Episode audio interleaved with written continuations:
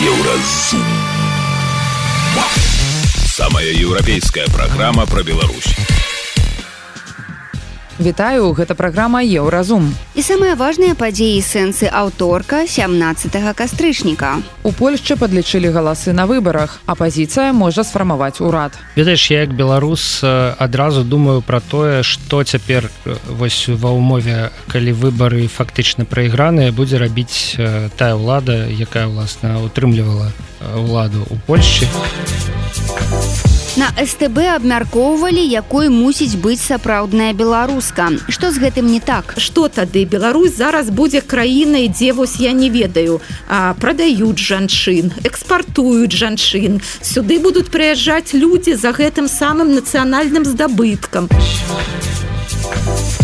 як КДБ анёл папярэдзіў спявачку русю што трэба з'язджаць з краіны color нават не ведаеш хто звоніць але ён заўсёды называўся сашам. Ці час і часу тэлефанаваў што на гэты фестываль лепей не ехаць.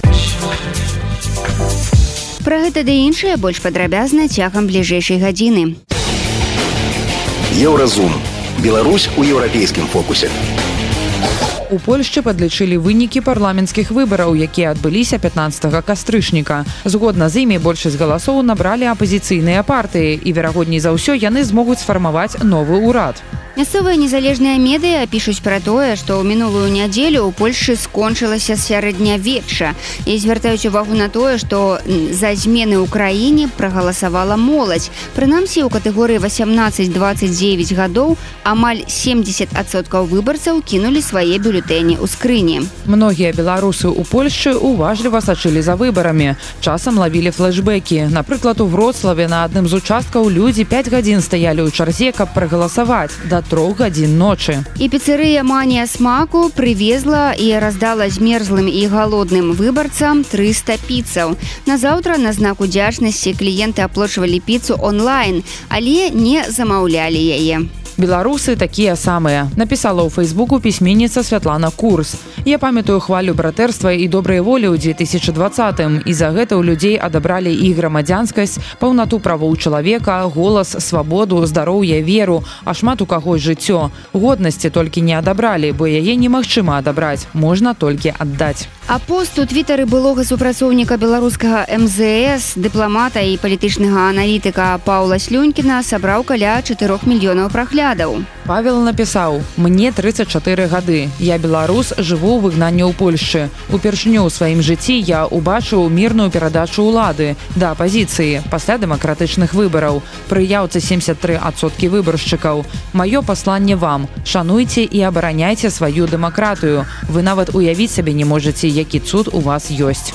Пра ўражанне ад польскіх выбараў гаворым з галоўным рэдактарам еўрарадыо паўлам свярдловым паш у польльше прайшлі выбары верагодна что урад сфармуе апозіцыя. Вось якія у цябе ўражанні ад гэтага ўсяго? Ці ёсць нейкае ўнутранае хваляванне таго что вось на наших вачах змяняецца ўлада да яе прыходзіць апозіцыя ведаеш я як беларус адразу думаю про тое что цяпер вось ва ўмове калі выбары фактычна прайграныя будзе рабіць тая ўлада якая ўласна утрымлівала ўладу у польльшчы да права справядлівасць Окей. Дарэчы по качынскім учора было ясна бачна что ён такі разгублены расчараваны. Так. да і вось яны збяруцца падумаюць і што будзе далей. Яны сапраўды дадуць гэтай апозіцыйнай кааліцыі у парламенце сфарміраваць большасць і сфарміраваць новы склад ураду менш кансерватыўны менш традыцыяналісткі больш ліберальны да вось тое за што прагаласавалі ўласна палякі да.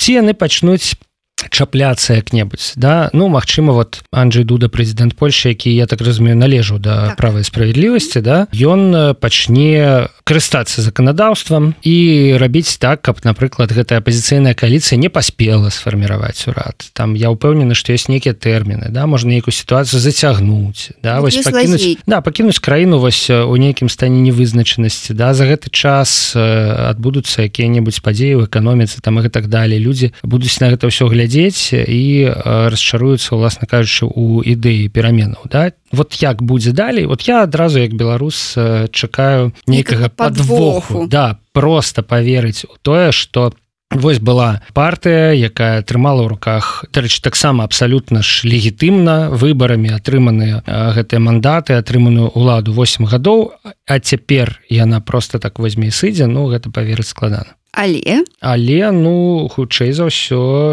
палякі якія сказалі а яны скажуць і б то бок калі імпэту у нацыі хапіла на тое каб мабілізавацца. Там яўка ў некаторых гарадах больш за 85соткаў да так mm. сярэдняя па краіне 72 3, амаль 73 73 да вось па апошніх значыцца падліках. Ну то бок у іх відаць знойдзецца і імпэт каб гэтую справу даціснуць то бок калі напрыклад нехта будзе яе запавольваць ну магчымыя там пратэсты да вось чаго дакладна мне здаецца не будзе гэта пратэстаў прыхільнікаў піс і людзей значится вось таких традыцыяналісцкіх кансерватыўных тому что ну все у іх зараз такі дызмарал.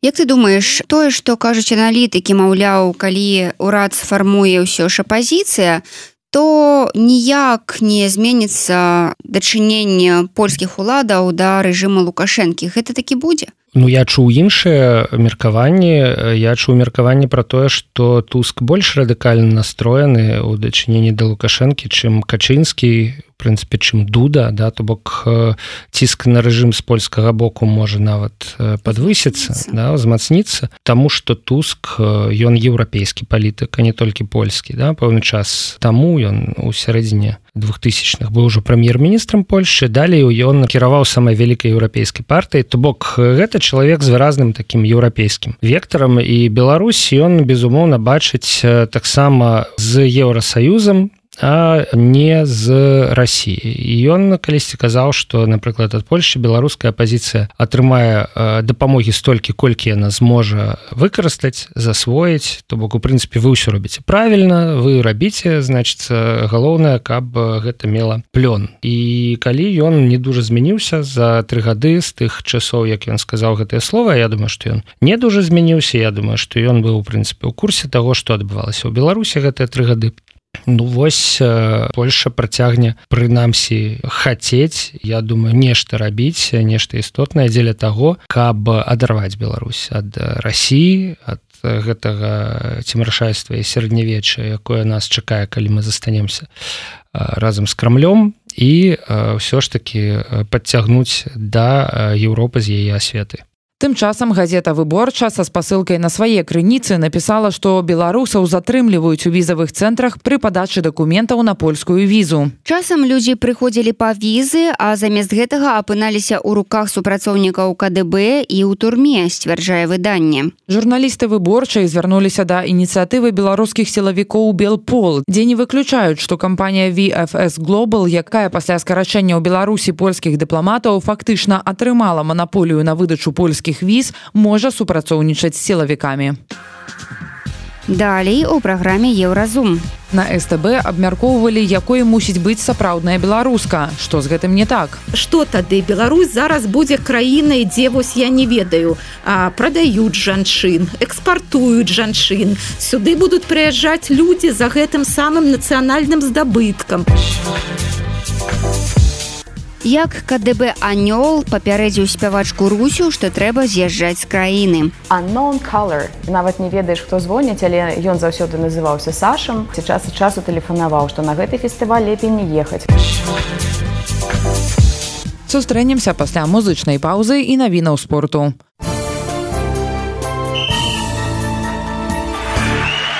На еўрарадыё навіны спорту. у Віцебск зноў стаў лідарам чэмпіянату беларускай хакейнай экстралігі. У гасцях быў абыграны магілёў 20. Віцебскія хакеісты набралі 28 ачкоў і на два ачкі апярэджваюць шахцёр. На трэцім месцы з 25 ачкамі юнатва, якое выйграла ў нёма на 4-0. У чэмпіянаце НХл Вашынгтон Алексея Протаса па булітах перамог калгары Ягора Шаранговіча 3-2. Беларускія хакеісты выніковых балаў не набралі. Ягор Герасімаў выйшаў адну восьмую фіналу турніру ў Шэньжэне. У стартавым паядынку ён абыграў Дзяніса Яўсеева з Казахстана 6262. Сапернік беларуса знаходзіцца ў рэйтынгу на паўтары сотні пазіцый вышэй. Александра Сасновіч на турніры ў кітайскім нанчанні ў сваім першым матчы абыграла Віктору Грунчакову са Славакіі 6163. Наступная саперніца расіянка Валерыя Савіных. У баскетбалістаў мінска ўжо трэцяе паражэнне на старце чэмпіянату адзінай лігі втб у хатнім паядынку яны саступілі казанскаму уніксу 4997 19 кастрычніка мінчукі прымаюць самару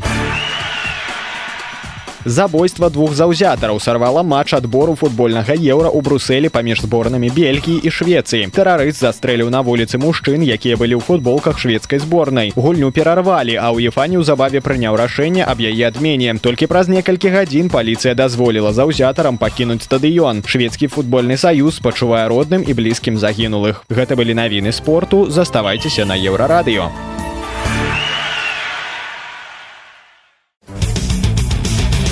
Еўразум жыві ў рытме Еўропы. Не мінае дня, каб лукашэнкаўскія ўлады і прапаганда не нагадвалі беларусам пра так званыя традыцыйныя каштоўнасці. То пракурор распавядае пра тое, што ў краіне будуць забараняць навязванне ў інтэрнэце прапаганды ЛГБТ і педафіліі. То Наталля Качанова запэўнівае беларусак, што нягледзячы на нізкі ўзровень жыцця ў краіне невысокія заробкі, рэпрэсіі і вайну пад бокам, беларускі мусіць нараджаць і гэта іх асноўная задача. А вядучыя і госці ток-шоу на СТБ пайшлі яшчэ далей. Яны вырашылі вызначыць, як мусіць выглядаць правільная беларуска, каб нарадзіць правільных беларусаў. У хаду пайшлі самыя махровыя штампы і маніпуляцыі.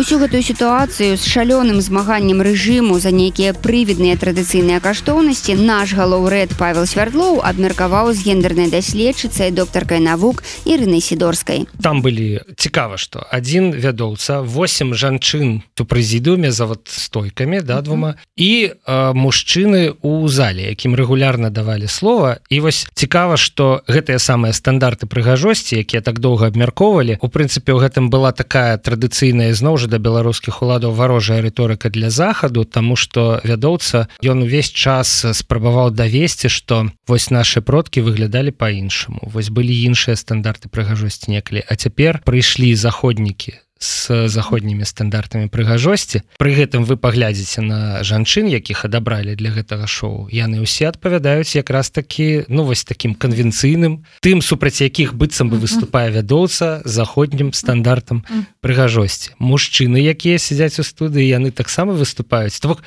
нешта не атрымалася абсалютна мне здаецца вось гэтага акцэнта. Вось я ведаю што вы выпісалі назву да і яна якраз такі адлюстроўвае гэта так? Ну так ўсё што вы гаварыце так яно так і ёсць бо там няма элементарнай логікі. І вось глядзіце яно ж называлася гэта шоу прыгажосць по-беларуску двукроп'е нацыянальны здабытак ці даніна заходняй індустрыі моды Ну вось. А, так а, ну вось такая дылема быццам бы. Ну мы ж усе разумеем что что там дзе слова заходні гэта безумоўна негатыў гэта дрэнна ўсё заходняе яно ну, пастаўленне так да? так. э, гэтай даніне заходняй моды супрацьстаўляецца ну, так, так, вот наш, вось Беларусь да? да а вось ёсць захад. Але глядзіце мне не, не падабаецца і першая частка гэтага супрацьпастаўлення. Прыхожусь по-беларуску быццам бы нацыянальны здабытак. Я вось не зусім разумею. Гэта прыхожосць маецца на увазе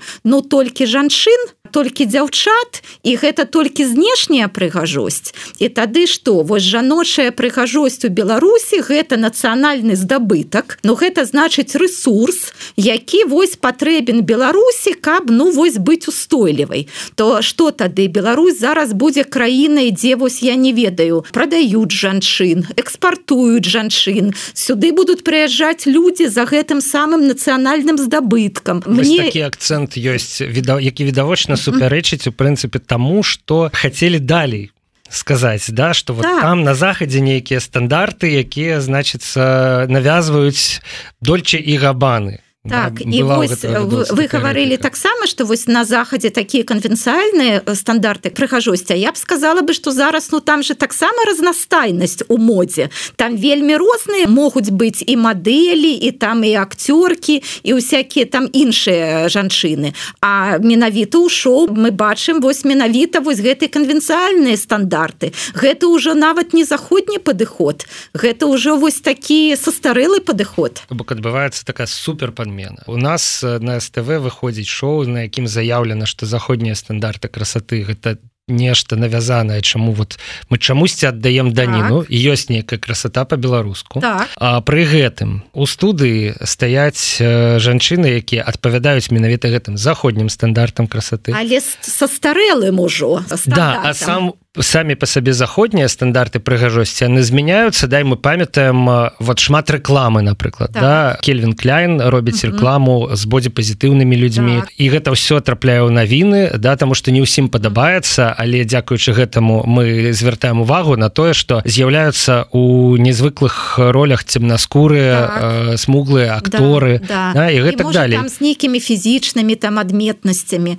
то бок вось гэтыя заходнія стандарты прыгажосці яны знаюць значна больш разнастайныя чым тыя дзяўчаты якія былі ў шоу і як бы вось іх прадстаўлялі Ну і вось беларускія ўлады выступаюць супраць са старэлых заходніх стандартаў пры гэтым самі іх культывуючы а другі момант тут uh -huh. гэта тое што як разышліся увогуле з самага пачатку шоу гледзячы на тое что такое ўласна прыгажосць что такое стандарты прыгажосці як якая мусіць быць жанчына і вы абсалютна маеце рацыю чамусьці. У размове про прыгажосць про нацыянальную беларускую прыгажосць абмяркоўвалі ну сапраўды жанчын. Вот абмяркоўвалі увесь час. І мужчыны абмяркоўвалі жанчын і жанчыны абмяркоўвалі жанчыны і так далее і погляды жанчын і мужчын яны карэнным чынам разышліся. Перад тым як мы паглядзім даволі доўгі кавалак з гэтага шоу. Трэба значится акунуцца ў гэтую атмасферу даць ім рашальства якое вось трансляваў вядоўца да якое транслявалі мужчыны якія сядзяць. Ну і дарэчы что было добра это все ж таки далі жанчынам сказаць про свае ўяўленні да? так, Не...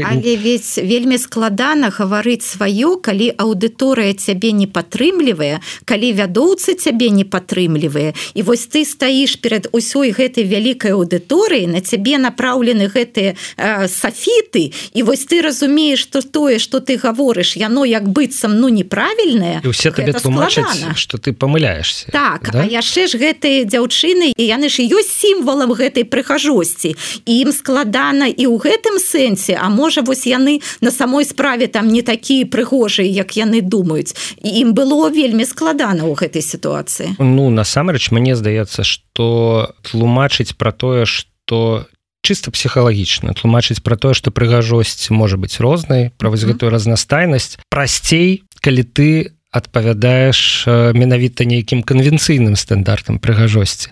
Таму что супраць цябе мужчыны не могуць выкарыстаць абсалютна такі ну просты прадказальны аргумент ну конечно ты-то вот значится не адпавядаешь тому і кажаш что прыгажосць так, мусіць быць нейкай іншай да?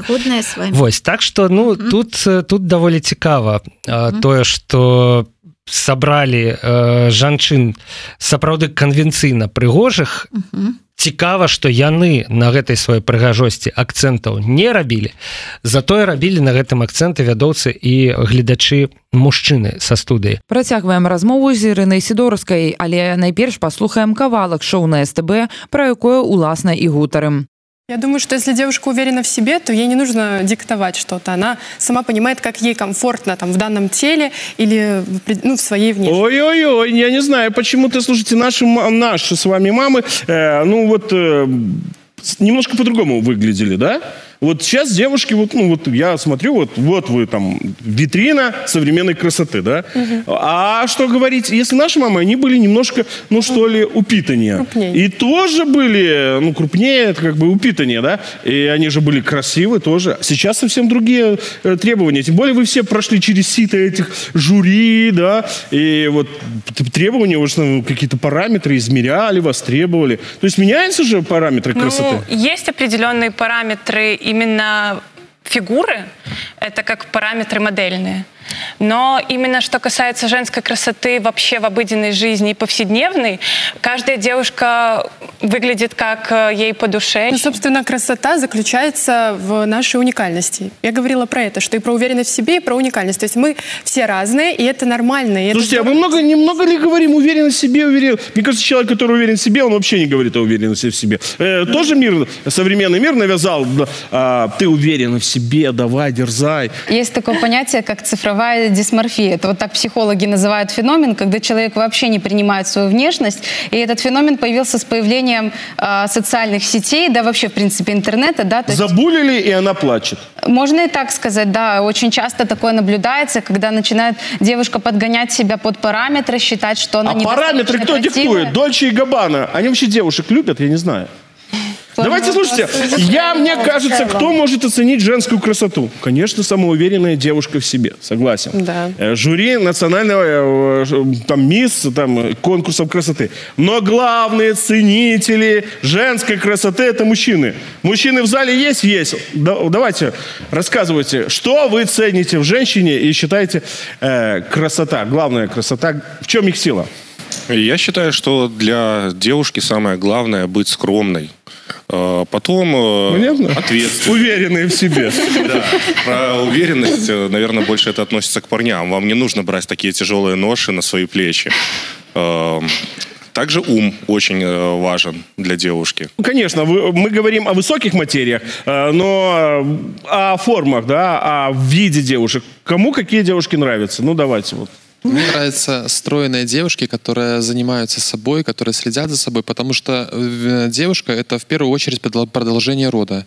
Как может девушка быть продолжением рода, да, если она за собой не следит, и получается у нее такой же будет, э, ну, будут такие же дети. Ну и там долго еще можно, конечно, на это глядеть, але ну вось нават апошняе пытанне, да, на якія ахвяры вы мусіце ісці для захавання сваёй прыгажосці. І я пачу у бок жанчын ад вас патрабуюць там патрабуюць. Вы павінны да? Адказнасць самастойнасць не надо вам жанчыны. Давайте эту цяжкую ношу вы на себя не будете звалі давайте пакінем гэта вот хлопцам да? Галоўныя цэнителі жаночай прыгажосці это мужчыны значится давайте послухаем что мужчыны кажуць а мужчыны кажуць ну стройная голубоглаза А як же иначе я наш калі не стройная не голубоглаза і таксама дети будуць.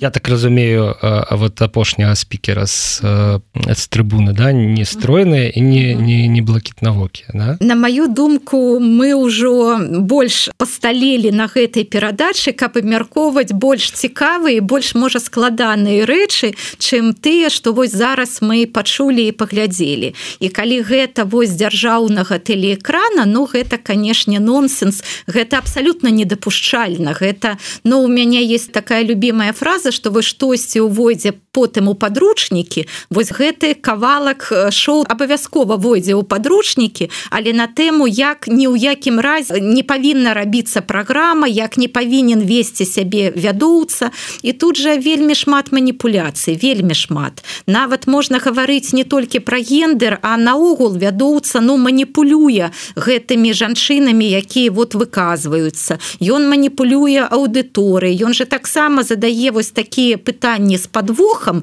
і по-іншаму як бы на іх і не адкажаш.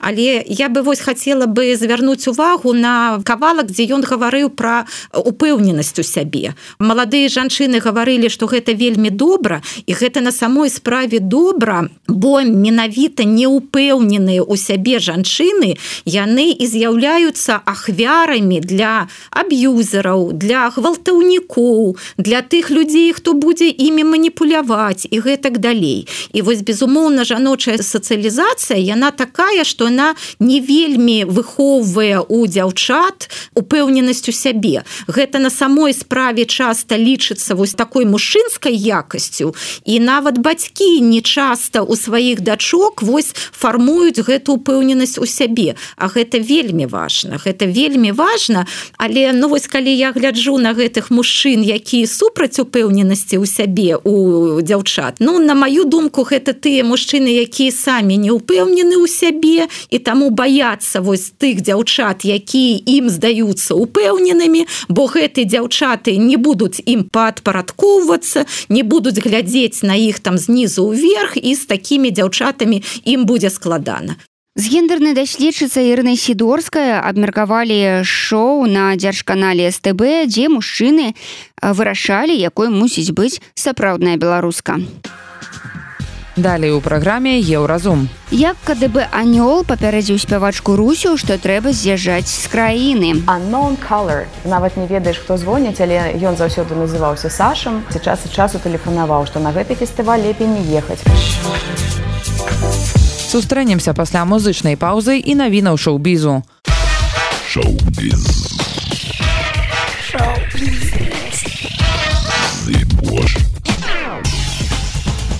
Навіны шоу-бізу на еўрарадыё. На кінапрэмію чырвоны верас было даслана 92 заяўкі паведамляе аргкамітэт. Амаль 100 беларускіх фільмаў створаных за два гады. Гэта моц. Мы атрымалі 6 ігравых паўнаметражных і 30 ігравых кароткаметражных стужак кажуць арганізатары. 19 заявак пададзеныя ў катэгорыі найлепшы дакументальны паўнаметражны фільм і 25 у катэгорыі найлепшы дакументальны кароткаметражны фільм на чырвоныя верасы прэтэндуюць таксама 12 анімацыйных карцінаў. 25 кастрычніка будзе апублікаваны доўгі спіс прац. Украінскі рок-гурт The Hardкіс выпусціў відэапрацу на песню 0000 з альбому залізна ласцівка. Знакаміты гурт вырашыў прысвяціць відэа ўсім энергетыкам, якія з'яўляюцца яшчэ аднымі героямі ўкраіны. Менавіта яны спасаюць сістэму забеспячэння электрычнасцю падчас ракетных атак з боку рассіі. 0000 перадае пачуцці глыбокай прыхільнасці ды ўдзячнасці людзям, якія рызыкуюць сваімі жыццямі дзеля іншых.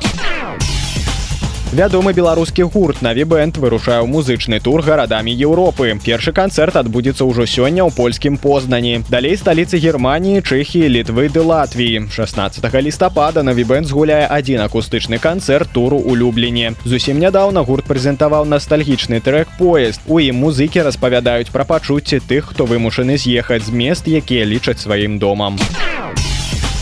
Кевин Спейсі атрымаў воплескі на лекцыі Оксфордскага універсітэта аб культуры адмены. Лічыцца, што гэта быў яго першы публічны выступ пасля таго, як актор быў прызнаны невінаватым у справе аб сексуальным гвалце. Гэты судовы працэс шырока абмяркоўваўся ва ўсім свеце. Двухразовы ўладальнік прэміі Оскар прадставіў пяцихвілінную сцэну з п'есы Уильяма Шекспіра Тимона Фінскі. Твор распавядае аб багаці, прагнасці і здрадзе. На думку многіх сучасных крытыкаў ён даследуе тое, што сёння называюць культурай адмены. Гэта былі навіны шоу бізу заставайцеся на еўрарадыё.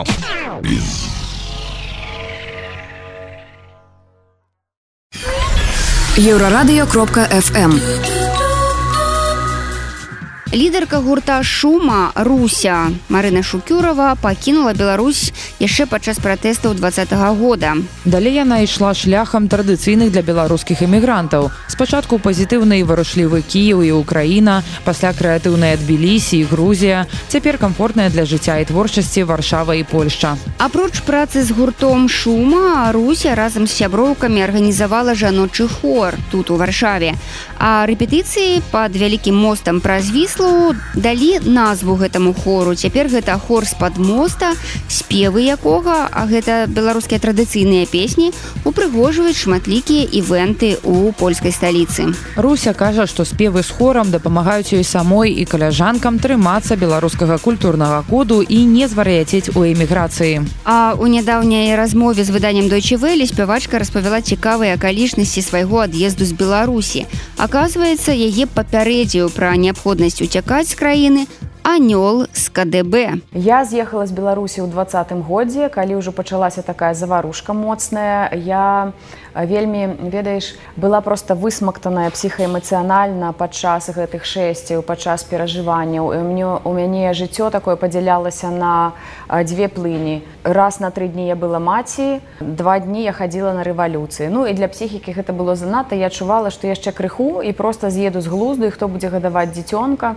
Ну але не атрымалася пачалася а пазней пачаліся вопшыкі на офісах на офісе бабарыкі а я трэніравала людзей якія хадзілі збіралі подпісы. Ведаеш гэта запісы зум сесіі дзе я кажу там давайте гэтага вусатага ну карацей там свая такая атмасфера. І я напужалася што калі вось гэта ўсё дойдзе да улады то мне просто будзе пагражаць турма. Я сола мама і для мяне важна каб я была побач са сваім дзіцёнкам. і і яшчэ тады замыкаліся межы з украінай. І дарэчы цікавая цікавы такі поінт інфармацыі. У беларусі ёсць так званыя кДб анёлы. кДб анёлы гэта папросту фанаты нейкіх артыстаў якія тупо прытрымліваюць інфармацыю наверх. І вось адзін з такіх кДб анёлаў позвоніў мне і кажа руся калі ты хочаш з'язджаць то вось 24 гадзіны вось я табе перадаю просто нават там unknown color нават не ведаеш хто звоніць але ён заўсёды называўся сашам. Вось і час і часу тэлефанаваў што на гэты фестываль лепей не ехаць. Вось тут патрымайце там тры дні пакуль што не перасякайце мяжу. І вось гэты кДб анёл позваніў і сказаў што трэба ехаць. І все так адно на адно сышлося. Вельмі была напужаная ўжо ну ледзь трывала ведаеш. і і з'ехала я з'ехала ў кію мы знялі там кліп дзе зрабілі умоўны расклад таро і на гэтым раскладзе таро дэмана з сінімі пальцамі які трымаўся за фатыль забілі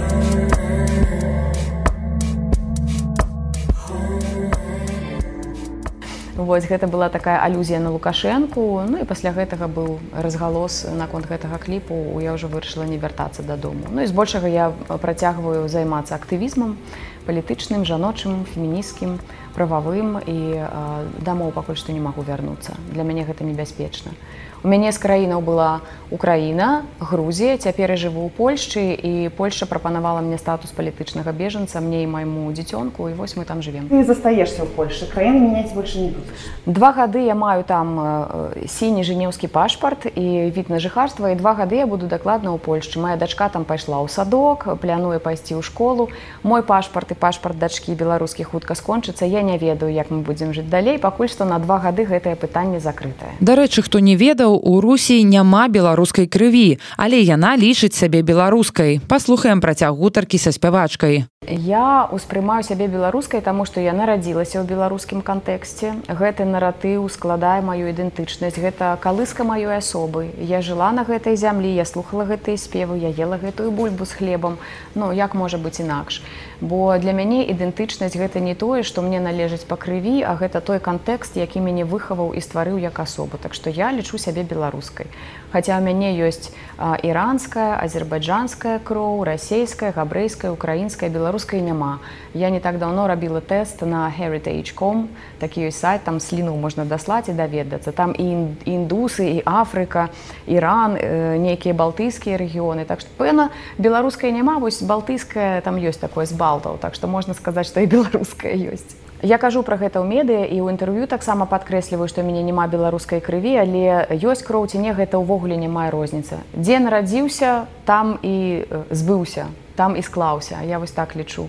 І э, часам чую такія каментары, якія тычацца не толькі мяне, скажем там мулявіна ці там Александра Памідорова у якога габрэйскія крові што беларусы чыстыя беларусы вельмі такія запаволеныя дзеці багны і лясоў а калі ёсць змяшаная кроў вось як у мяне там іранскі вектор то гэта заўсёды пасіянары. І сапраўды я адчуваю што вось гэты іранскі вектор надае мне шмат жарсці энергіі такога сонца гарачага ўнутры. Мне карціць нешта рабіць для культуры для радзімы для нашай беларускай ідэнтычнасці. Твоя музыка вельмі звязана з традыцыяй беларускай. Что для цябе традыцыя у сэнсе як я гэта разумею што яна для мяне значыць?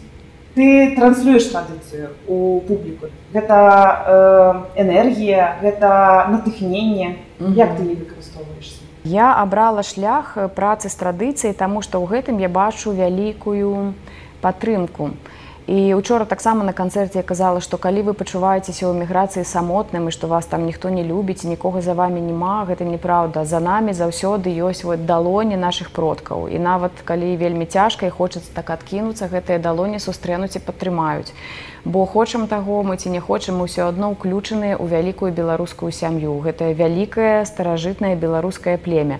Адзінка не можа пакінуць сістэму адзінка заўсёды належыць сістэме. І кожны беларус кожная беларуска належыць вось гэтаму вялікаму беларускаму роду.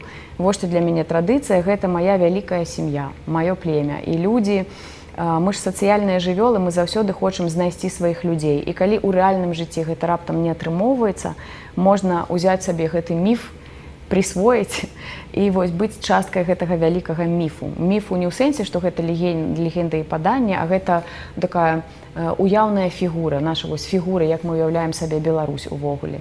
І для мяне традыцыя гэта падтрымка сям'я гэта моц энергія. І калі я спяваю я сабе часам не належу. Як музычны галасавы тэрапеўт что ты можаш сказаць пра мову у гэтым сэнсе? Тому что беларуская мова яна вельмі мелагучная мовы накладваць на народ нейкі асабісты характар Я лічу, што гэта узаемны такі працэс і мова накладае на чалавека і чалавек накладае на мову. Калі разглядаць беларускую мову з пункту гледжання вакальнай тэрапіі, то можна сказаць, што мы запаволеныя, назіраючыя такія як будысты, бо ў нас ну, вось узяць там класічны верш. Я мужик беларус, пансахі касы, нібыта такая лодачка човен на возеры качаецца ледзь-ледзь калі мы возьмем англійскую мову там дзе ёсць скалы мора горы раўніны та-да-та та-да-та по-беларуску ж мы ж так не гаворым толькі калі звышэмацыйна то бок наша прырода такая вельмі мілагучная чуллівая спакойная і якая назірае за сабой. Таму я лічу што мы беларусы дзен-буддзісты якія заўсёды крыху у знешнім э, свеце крыху сабе. Вось так на дзве паловы падзеленыя і калі гаварыць праз прызму вакальнай тэрапіі пра традыцыйныя спевы таксама на канцэртах это падкрэсліваю наша фішка гэта шмат галоссі і ўзаемнае пранікненне мелодый гэта кажа пра тое што мы здольныя будаваць і вытрымліваць дарослы контакт мы не такія інфанцільныя і мяккія і церпілы як некаторыя пра нас кажуць. Не мы гэта не не ведаеш не млявасць гэта я лічу такая дарос дарослы спакой дарослая цвярозасць. Вось бывае чалавек жыве ў маладосці а потым адзін складаны жыццёвы досвед іншы складаны жыццёвы досвед. І прыходзіць такое разуменне самаадчуванне нібыта я дарослая я спакойная. Я ўжо бачыла шмат чаго. Вось для мяне беларуская мова як для вакальнай тэрапеўткі і наша спеўная традыцыя менавіта такая пра даросласць што я шмат чаго бачыла і цяпер я такая я здольная трываць у нас у беларусі ёсць вельмі э, моцная біпалярнасць можа э, прычына ляжыць у гэтым то што мы не ўсе размаўляем на беларускай мове у нас вось гэта пераключэнне у грамадзянстве Я думаю што прычына ў тым што рэжым вельмі доўгі час маніпуляваў з мовай. Памятаеш былі такія часы. Усе ў савецкім саюзе гаварылі па-расейску уся дакументацыя усе школы. Раптам хоп усе пераходзяць на беларускую. Гэта вялікі стрэс гэта не было зроблена мякка гэта было зроблена вельмі гістарычна хутка скора. Для людзей гэта быў стрэс. Толькі ўсе ўвайшлі гэтую беларускамоўную калію зноў змены на рассі расейскую і просто я думаю что гэтыя маніпуляцыі былі зробленыя спецыяльна каб у людзей выхаваць вось такое адтаржэнне не ведаю сказаць на мове такое адхіленне не любоў што як вы бляха заманалі то расійская то беларускае у нас не было натуральнага такога працэсу беларусіфікацыі насельніцтва. Заўсёды гэта было пра стрэс то то можна то не можна. Такі сцяг такі сцяг вось давайте документы рабіце так рабіце гэтак. І гэта вельмі складана. Гэта маніпуляцыі уладаў і што мы маем на сённяшні дзень што за дрэннай адукацыі за маніпуля за маніпуляцыі з інфармацыяй за вось правакатыўнай такой эм, прамоўкі мазгоў праз мас-медыя нашы людзі проста не даганяюць у чым сэнс ведання роднай культуры гісторыі мовы а сэнс у тым што калі ты гэта вывучаеш ведаеш і разумееш на лукашэнку ты ўжо наўрад ці павядзеся што б табе прапаганда не казала. Таму варта вывучаць і ведаць сваё разумець крыніцы вытокі што як мы развіваліся па якіх гістарычных паттернах каб разумець якія вынікі будуць нашых выбараў сёння Расскажи, где ты зараз находишься? Гэта была лідарка гурта шума Руся Шукюрова. Яна распавяла пра тое, чаму беларуская мова наша ўсё і пра тое, як яе папярэдзіў пра ад'езд з Беларусі анёл з КДБ. Еўрарадыё. Твая улюбёная хваля. Гэта была праграма Еўразум, штодзённы інфармацыйны падкаст Еўрарадыё. Кожны дзень мы распавядаем пра галоўныя навіны Беларусі і свету. А сённяшні выпуск скончаны. Беражыце сябе. Пачуемся. Еўразум. Самая еўрапейская праграма пра Беларусь.